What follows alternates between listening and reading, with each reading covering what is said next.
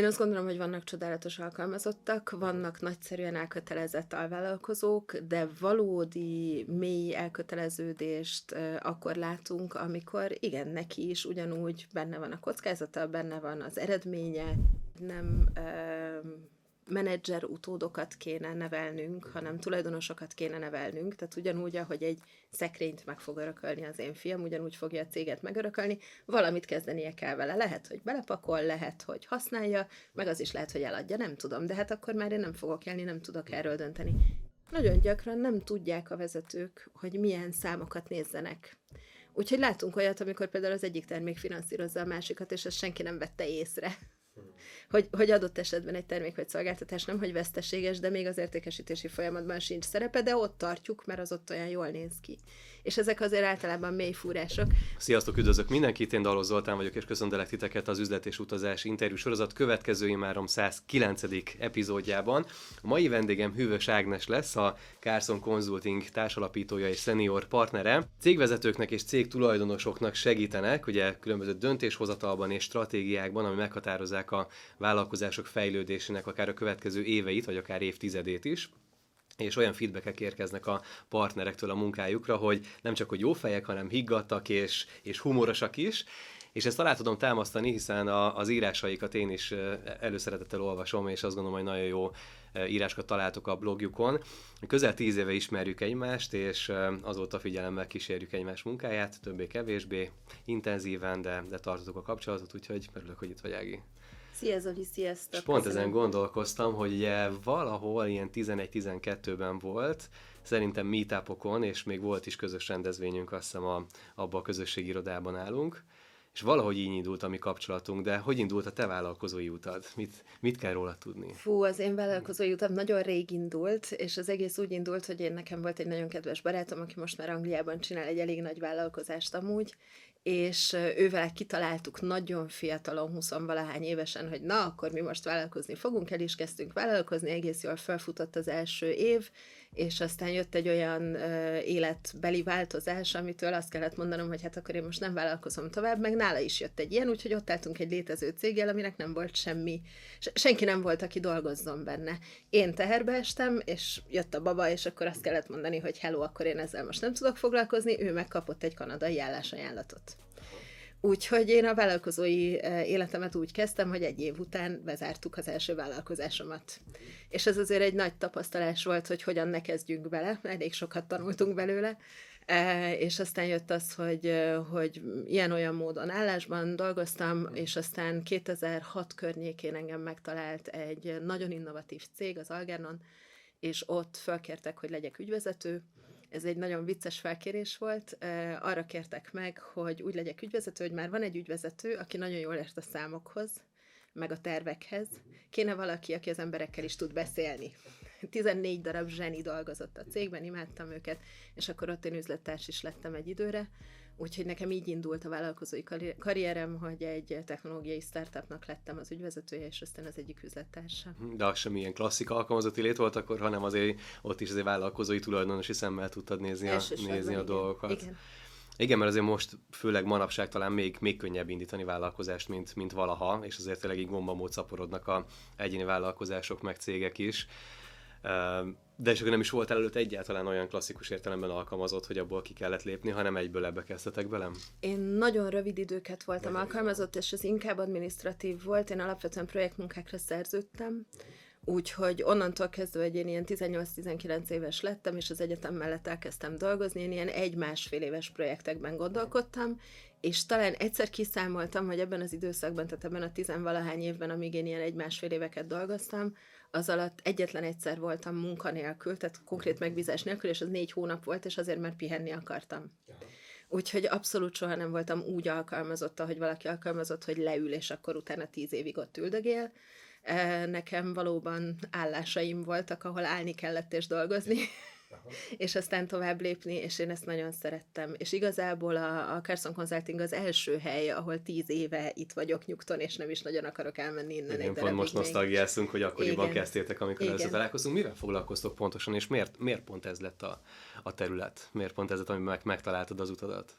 Nagyon sokat gondolkoztunk azon különben, hogy hogyan kell elmagyarázni, hogy mivel foglalkozunk, mert mi alapvetően komplex problémákkal foglalkozunk, és egyszer beszélgettem egy nagyon kedves üzleti ismerősünkkel, aki, aki kitűnően érti, hogy mi az, hogy stratégia. És ő is ezt kérdezte, hogy mivel foglalkozol mostanában, Ágnes? És akkor én azt mondtam neki, hogy, hogy vezetőknek, meg tulajdonosoknak segítünk megfogalmazni három, öt vagy akár tíz évre az üzleti célokat, majd segítünk ezt átültetni a gyakorlatba. És mondtam, hogy igen, igen, tudom, hogy stratégiával foglalkoztok, de azon belül mivel? Úgyhogy mi alapvetően ezt csináljuk, segítünk nagyon konkrét, nagyon egyértelmű és megvalósítható célokat megfogalmazni hosszú távra, utána az ahhoz vezető utat megtervezni, és utána ezt implementálni, és egészen a, a leggyakorlatibb elemekig. Uh-huh. Úgyhogy mi alapvetően... példa, csak hogy így mondjuk magára ismerjen a kedves néző, hogy mondjuk mik azok, akár pénzügyi, HR, marketinges, tehát milyen olyan kihívások vannak, amivel mondjuk megkeresnek, megtalálnak, vagy amit ti tártok föl esetleg menet közben. Igen. Három nagy témakörrel szoktak minket megtalálni igazából. Az egyik az, amikor stabilizálni kell egy céget. Össze-vissza rángat a cég, nem azt mutatják a számok, amit kéne, átláthatatlan, nem tudja a vezető, hogy mi miért történik. Ez az egyik nagy tünetcsoport, amivel meg szoktak minket találni. Ez általában pénzügyi, szervezetfejlesztési, néha üzletfejlesztési kérdések, de az kevésbé szokott lenni. A második nagy kérdéskör, amit mi is jobban szeretünk, meg általában a minket megtaláló ügyfél is sokkal jobban szereti ezeket a helyzeteket, amikor növekedési ambíciói vannak, szeretné, hogyha a cége dinamikusabban növekedne. Ez néha úgy néz ki, hogy elakadt a cég a növekedésben, és azt kell kideríteni, hogy miért. Néha úgy néz ki, hogy túl gyorsan növekszik, és attól recsegropog minden, és néha meg egyszerűen úgy néz ki, hogy szeretnénk x százalékot növekedni, és nem y-t, uh-huh. és x nagyobb, mint y természetesen. okay ezek általában nagyon komplex kérdések, tehát itt a, a HR stratégiától, a marketingen keresztül, a, az értékesítésig, a pénzügyekig mindent megnézünk, árazásba belenyúlunk, folyamatokat optimalizálunk, tehát itt nagyon sok minden tud történni, és aztán nekem a, a, a szívem csücske kedvenc témám az, amikor valaki azt mondja, hogy három év múlva, öt év múlva szeretnék szépen kiszállni a cégemből. Akár úgy, hogy átadom valaki másnak, és én tulajdonosként benne maradok, és akkor az egy általában valamilyen szervezet és folyamatfejlesztési kérdés. Akár úgy, hogy eladom, akkor ott ugye a cégértéket kell növelni, stabilá kell tenni a profitabilitást, jó üzleti terveket kell összerakni, adott esetben már ott tartunk, hogy egy-két év múlva valóban ki tud szállni, akkor meg kell találni a megfelelő vevőt a cégre, Úgyhogy ezek már ilyen jutalomjátékok a mi, mi számunkra is, és nagyon szeretjük ezt, amikor valaki azzal jön be, hogy három év múlva szeretnék kiszállni. Amikor azt mondja, hogy fél év múlva, akkor általában azt mondjuk, nem reális, hogy igen, feltétlenül. Megteheted, de nem biztos, hogy jól jársz vele, amikor azt mondja, hogy három év múlva, akkor mi nagyon boldogok vagyunk. Igen, meg talán a vállalkozások jelentős része, főleg itthon, talán még mindig nem ezt a célt tűzte ki, nem? Mert még mindig azt mondja, hogy ez az én gyerekem, én várom, és ő fogja. Tehát, hogy szerintem nagyon kevesen vannak talán itthon, összehasonlítva mondjuk a, az amerikai vagy nyugat-európai piacsal, aki kifejezetten erre készíti fel a cégét, és ezt tervezi. És ezért van talán az a generációváltásos probléma is, hogy most ott vannak, és rengeteg cégben kiöregedett a, akár a tulajdonos vagy ügyvezető, és nincs előkészítve ez. A generá- generációváltásos probléma az egy érdekes dolog, mert az egy adottság, hogy előregszik az a, az a generáció, és De ugye pont most gondolkoztak ebbe sokan? Sokan talán. nagyon nem gondolkodtak benne, illetve nagyon sokan úgy gondolták, hogy majd a gyerekeik átviszik. Aha. És, és a probléma ott van, hogy én azt gondolom, hogy nem menedzser utódokat kéne nevelnünk, hanem tulajdonosokat kéne nevelnünk, tehát ugyanúgy, ahogy egy szekrényt meg fog örökölni az én fiam, ugyanúgy fogja a céget megörökölni, valamit kezdenie kell vele. Lehet, hogy belepakol, lehet, hogy használja, meg az is lehet, hogy eladja, nem tudom, de hát akkor már én nem fogok élni, nem tudok erről dönteni. És alapvetően, hogyha így gondolkodnának ezek az előregedő tulajdonosok, az egy nagyon jó dolog lenne, hogy ez itt az örökség része, és neveljünk tudatos tulajdonosokat, és ehelyett nagyon gyakran úgy gondolják, hogy ami az ő nagy ambíciójuk volt, az lesz majd a gyerekeik ambíciója, és ez nem nagyon valósul meg, vagy nem sokszor valósul meg. Látunk nagyon szép példákat, most van egy ügyfelünk, ahol a leggyönyörűbb tulajdonosváltást látjuk éppen a leggyönyörűbb vezetőváltással. Egy kb. 20 éves cég, és az apuka éppen most adja át a fiának, és most még éppen együtt dolgoznak a cégben, és imádjuk őket. És mi kell ahhoz, hogy sikeres legyen egy ilyen projekt szerinted? Hogy van, van valami titkos Egyrészt, recept? titkos recept nincsen, én azt gondolom, hogy nagyon őszinte kapcsolat kell.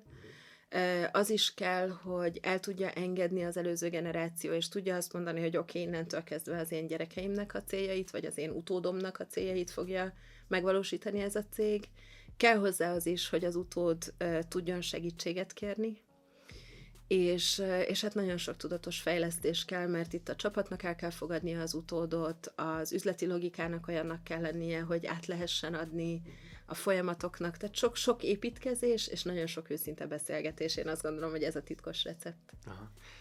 Itt az elmúlt, most már lassan, sőt, több mint másfél éve vagyunk benne ebbe, a, ebbe az új normális időszakba, sajnos, ebbe a járványos, válságos helyzetbe. Most mik voltak a leggyakoribb hibák, problémák, mondjuk, amiben megtaláltak, és voltak-e olyan best practices amikben tudtatok segíteni, vagy olyan területek, amiben tudtatok jól segíteni?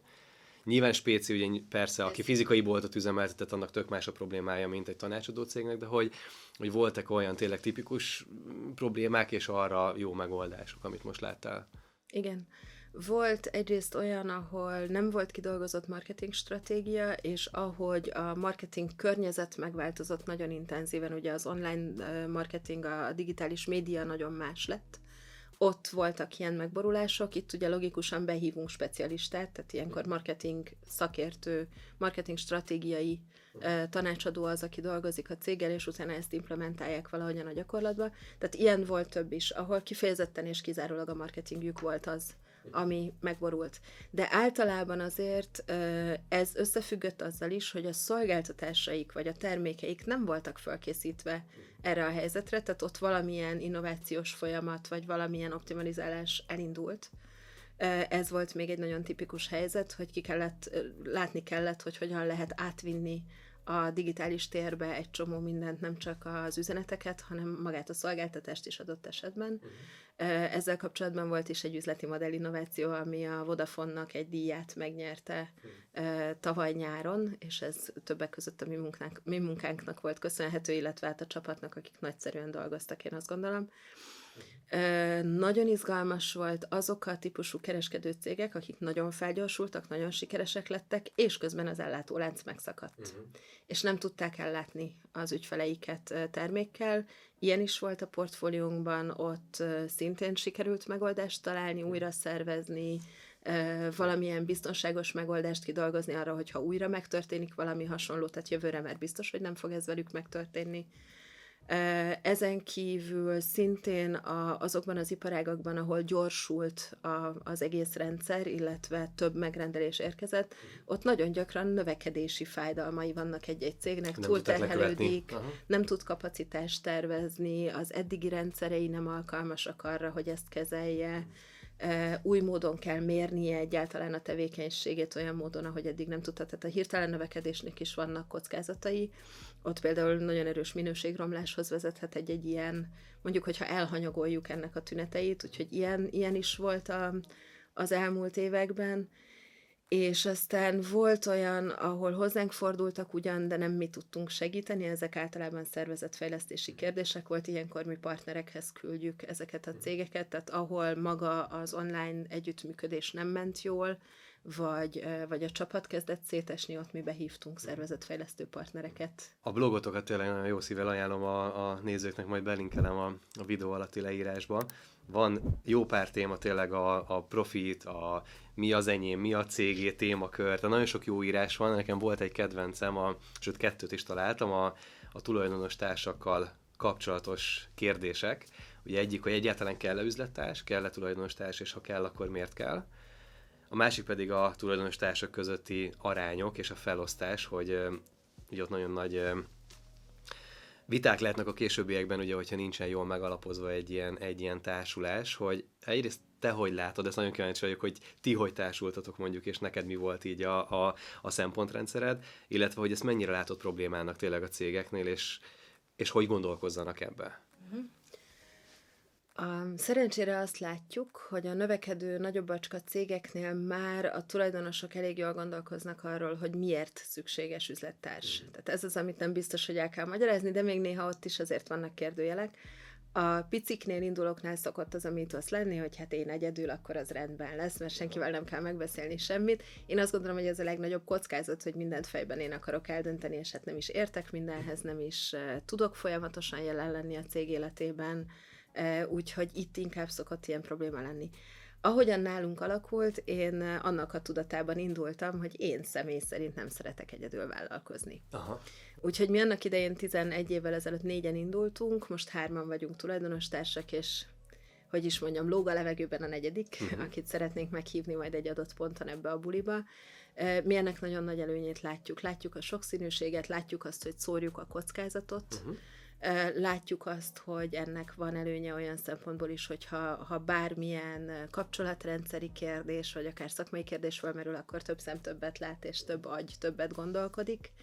Úgyhogy mi, mi ezt a, a társas létet szeretjük legjobban, és én azt gondolom, hogy ez az, ami talán üzleti kultúra kérdése is. Magyarországon azért nagyon sokszor halljuk azt, hogy mindenki magának kell, hogy megcsinálja a szerencséjét, Aha. mi meg azt gondoljuk, hogy csapatban könnyebb. De hogy a hosszú társnak is kell lennie, hogy, hogy úgy álljon hozzá a kollega? Nem feltétlenül. Vagy lehet az akár egy, egy vezetőm is, aki mondjuk adott esetben tényleg alvállalkozó, vagy, vagy alkalmazott. Mm, én azt gondolom, hogy vannak csodálatos alkalmazottak, vannak nagyszerűen elkötelezett alvállalkozók, de valódi mély elköteleződést akkor látunk, amikor igen, neki is ugyanúgy benne van a kockázata, benne van az eredménye, úgyhogy én nem gondolom, hogy folyamatosan szét kéne osztogatni a céget, de azt gondolom, hogy ha valakivel több éve nagyszerűen együttműködünk, és valóban korkompetenciát képvisel, és valóban fontos ahhoz, hogy üzleti sikerünk legyen, akkor igen, osszuk meg vele a kockázatot is. Aha. És, és tegyük meg ez egész értékű is nyilván, hogyha... Így van, így van. Tehát, hogy mutassunk igen. felé bizalmat, uh-huh. és mutassunk felé egy olyat is, hogy mi látjuk, hogy ő rajta is múlik a siker, akkor ha sikerünk van, akkor legyen még nagyobb a siker, hogyha nem sikerül, akkor meghajtsunk együtt a sikerért. És az arányokkal kapcsolatban. Ugye volt egy tényleg ez a cikket érdemes elolvasni, hogy miért az 50-50 a legrosszabb döntés. Igen. Illetve, hogy ezek hogy tér, térhetnek el ezek a százalékok, és miért érdemes eltéríteni. Mesélsz erről? Van egy rakonom, aki igen fiatal még, és nagyon harcias kamaszkornak megfelelően, és ő azt mondta, hogy hát egyenlőség kell, én nem hiszek az egyenlőségben, de ezt ki nem mondanám előtte. Alapvetően azt gondolom, hogy a, nagyon sokszor nem beszélünk arról, hogy mi minden van még a százalékokon túl. Alapvetően mindegy, hogy 50-50 százalék, vagy 51, vagy 53, vagy 25, vagy 38. Inkább az a fontos, hogy mi mindenbe hogyan szólnak bele az alapítók. És nagyon gyakori, hogy egy cégalapításkor egy egyszerűsített társasági szerződéssel megoldják, ahol kizárólag a százalékok azok, amik mutatják, hogy milyen döntési arányban fogunk majd szavazni egy-egy tulajdonosi taggyűlésen. És megegyezik a tulajdonrész a szavazati arányal. Ha megegyezik a tulajdonrész a szavazati arányal, igen, akkor ott, ott azonnal döntésképtelenség alakul ki, ami nem jó. Erre írtam azt, hogy az 50-50 az így felejtős, viszont hogyha van annyi gondosság a tulajdonosokban, és ez a későbbiekben is jelentőségteljes lesz, hogyha adott esetben meg akarjuk változtatni a tulajdonosi szerkezetet, ha elég gondosak, hogy végig gondolják, hogy mi mindenben akarnak együtt dönteni, mibe akarnak beleszólni, hogyan akarnak beleszólni, akkor már ezek a, a döntési jogkörök elszakadhatnak a százalékoktól. Tehát igazából nem az a kérdés, hogy hány százalék, hanem az a kérdés, hogy hogyan fogunk jó döntéseket hozni azokban a kérdésekben, amikben tulajdonosoknak kell dönteni. És erről érdemes beszélni időről időre. Nem az elmúlt évnek, hanem talán három éve volt egy olyan csodálatos történetünk, amúgy bejött két tulajdonos, meg még egy. A konfliktus ott robbant ki, hogy szeretett volna a két tulajdonos tulajdonrészt adni egy harmadiknak, és amikor elkezdtek gondolkozni azon, hogy ez mennyi legyen, akkor rájöttek, hogy nem tudják, hogy ők miért annyit birtokolnak, amennyit. És ezen kisé összevesztek. És aztán hárman eljöttek hozzánk, sokáig bogozgattuk, nagyon sokáig, mert egy több éves cég volt, egy jól működő, profitábilis, növekedő több éves cég volt, ahol újra kellett rendezni a tulajdonosi uh, arányokat, újra kellett gondolni, hogy ki mibe szólhat bele, ki milyen szerepet vállal a cégben, ki milyen kockázatot vállal, ki mennyire köteleződik el, és a vége az lett, hogy az egyik alapító tulajdonos csendes társá vált, azt mondta, hogy ő egy-két dologban bele akar szólni, de másban nem, és nem is dolgozik már a cégnél, a másik kettő viszont nagyon dinamikusan dolgozik benne, és tulajdonképpen ők azok, akik a döntéseknek a nagyját hozzák. Mondasz még pár szempontot, mert abban a cikkben nagyon jól összefoglaltad, ugye, hogy mennyi minden érinthet, vagy billentheti el az az 50-50-et, hogy a benne dolgozott munka, nyilván a tőke, amit ad, stb. stb., hogy még, még mibe érdemes gondolkozni ebben az esetben? Ez egy érdekes dolog, én azt gondolom, hogy három dolog irányítja azt, hogy milyen viszonyban vagyunk a cégeinkkel. Az egyik a múltunk. Mi az, amit mi beletettünk már eddig, akár az alapítás előtt ez lehet pénz, lehet apport, bármilyen formája, és lehet úgynevezett sweat equity, tehát benne dolgoztam, anélkül, hogy azért én bármit kaptam volna. Ez egy nagyon nehezen számszerűsíthető dolog, de nem lehetetlen róla beszélni, és aztán valamilyen objektív szempontok szerint dönteni. A másik a jelen. Most én milyen szerepet vállalok a cégben, és azt a cég hogyan köszöni meg nekem tulajdonképpen, hogyan kompenzálja a beletett időmet, energiámat, szaktudásomat, és így tovább. Itt általában nagyon nehéz szétválasztani, hogy mi az, ami menedzseri munka, vagy szak, szakemberi benne dolgozó munka, tehát tulajdonképpen egy alkalmazotti pozíció, és mi az, ami tulajdonosi. És ezeket bizony szét kell műteni, mert más módon döntünk, más dolgokról döntünk tulajdonosként, meg menedzserként, más dolgokra van hatásunk. És a harmadik pedig a jövő, mit várok ettől a cégtől. Mi az az eredmény, amit látni szeretnék, meddig szeretnék elköteleződni a cég mellett, milyen módon vállalok kockázatot vele kapcsolatban, tehát mi fog történni majd még innentől kezdve, és abban én hogyan akarok részt venni, és igazából ennek a háromnak a végig gondolása az, amit mi a tulajdonosokkal végzünk, amikor valami olyan újra gondolása van a dolgoknak. Hmm. Igen, ez kicsit olyan, mint a párkapcsolatban is, hogy rózsaszín köd, és akkor megyünk előre, de hogy valójában ki tudja, hogy tényleg mi lesz 5-10 év múlva, és hogy kicsit ez is olyan, mint egy házassági szerződés, hanem hogy nagyon át kell gondolni az elején, hogy, hogy mi van, ha mégsem megy, és hogy és, mi, és kicsit megírni azt, hogy tényleg mi történik akkor, hogy ha.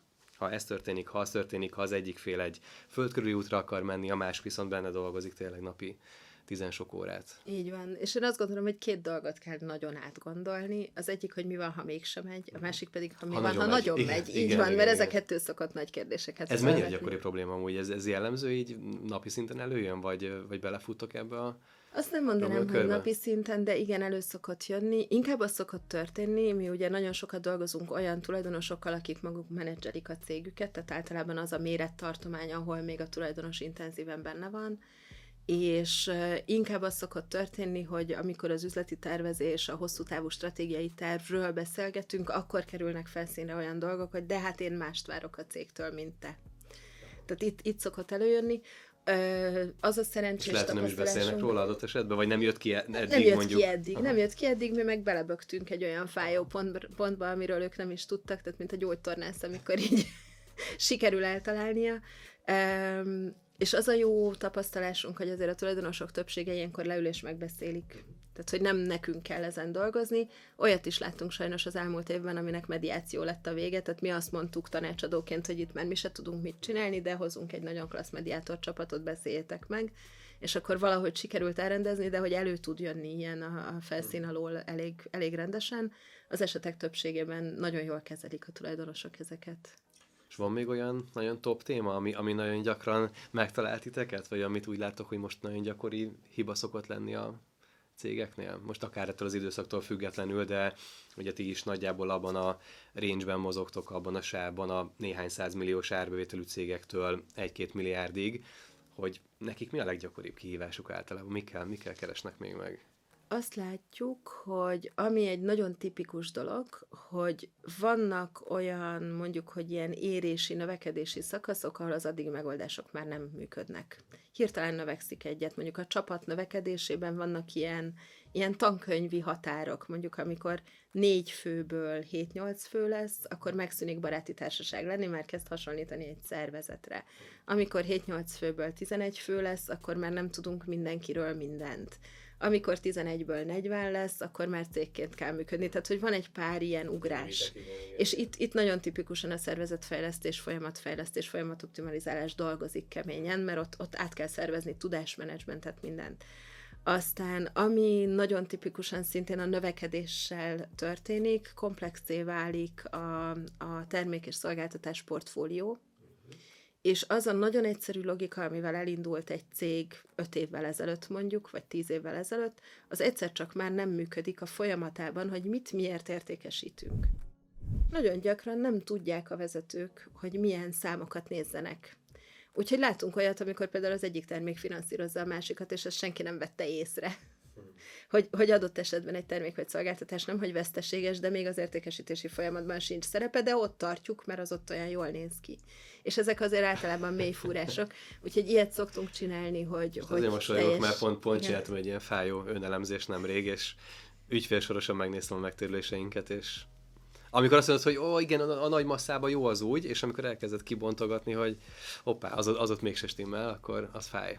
Igen, ez a másik iránya. Igen, igen, tehát a Matrixnak van ez az iránya, hogy ki mit vesz, a másik iránya pedig, hogy ki veszi. Igen, igen, igen És igen, ügyfélportfólió elemzést is szoktunk csinálni, tehát van termékportfólió elemzés, ügyfélportfólió elemzés, ezeket nagyon szeretik amúgy a kollégák, mert rendkívül izgalmas eredményekre tudunk jutni belőle, és aztán vannak fejvakarások, tehát láttunk már olyat, amikor egy cégnek a, a teljes termékportfóliójának a 20%-át kukáztuk ki annak eredményeképpen, hogy a, pénzügykontrolling kollégák elkezdték nézni a számokat. Szerintem ezek nagyon izgalmasak, és nagyon hasznosak. És, és sokszor egy külső szem ránéz, ő, ő nem látja belülről, és egyszerűen meg kell nézni magasabbról a, azt a dolgot. Igen, és rendkívül nagyot tud ugrani a profitabilitás pusztán attól, hogy tisztítunk a portfólión.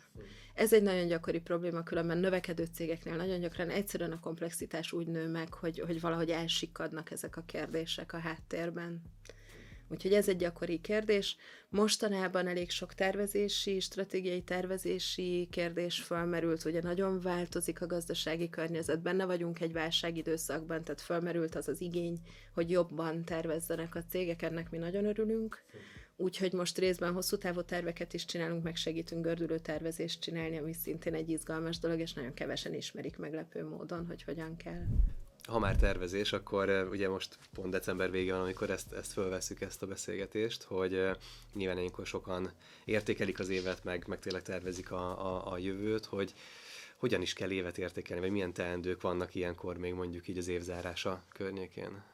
Én azt gondolom, hogy az évzárása környékén most nem mi dolgozunk olyan intenzíven, uh-huh. hanem inkább a könyvelőink. Uh-huh. Ez az a pillanat, amikor a vezetők kicsit hátradőlnek, és próbálnak nem arra koncentrálni, hogy mit fognak látni januárban, amikor egyszer csak a könyvelő elküldi az eredményeket. Nagyon fontos az, hogy, hogy amire érdemes felkészülni, az az, hogy tudjuk értelmezni az eredményt. Kapni fogunk egy csomó számot, ami arról, valójában a, a probléma az az, hogy a könyvelés reaktív. Igen. A könyvelés csak leköveti, amit csináltunk, és azt kell tudni valahogyan összevetni azzal, hogy mit is terveztünk valójában, és ahhoz hmm. képest mi valósult meg. Tehát van egy proaktív része, amikor tervezünk, amikor KPI-okat nézünk, amikor adatokat nézünk, és van egy reaktív része. És amire én azt gondolom, hogy érdemes készülni, hogy hogyan fogjuk összevetni azokat a pénzügyi adatokat, amiket majd egyszer csak látunk, logikusan a, a jó cégeknél havonta látják az adatokat, két hetente bele tudnak nézni, ha akarnak, nem szoktak, de mondjuk negyed évente biztosan is értékelik, de aki most fog szembesülni azzal, hogy az éves eredménye mennyi, az is arra kéne, hogy fölkészüljön, hogy vegye elő a terveket, és nézze meg, hogy hogyan tudja legjobban összevetni. És ugye a következő feladat az az lesz, hogy el kell dönteni, hogy melyik tartalék dobozba mennyit tegyünk. Ugye van egy működési tartalék, amit létre kell hozni, ha esetleg nem volt, vagy növelni, ha nem elegendő.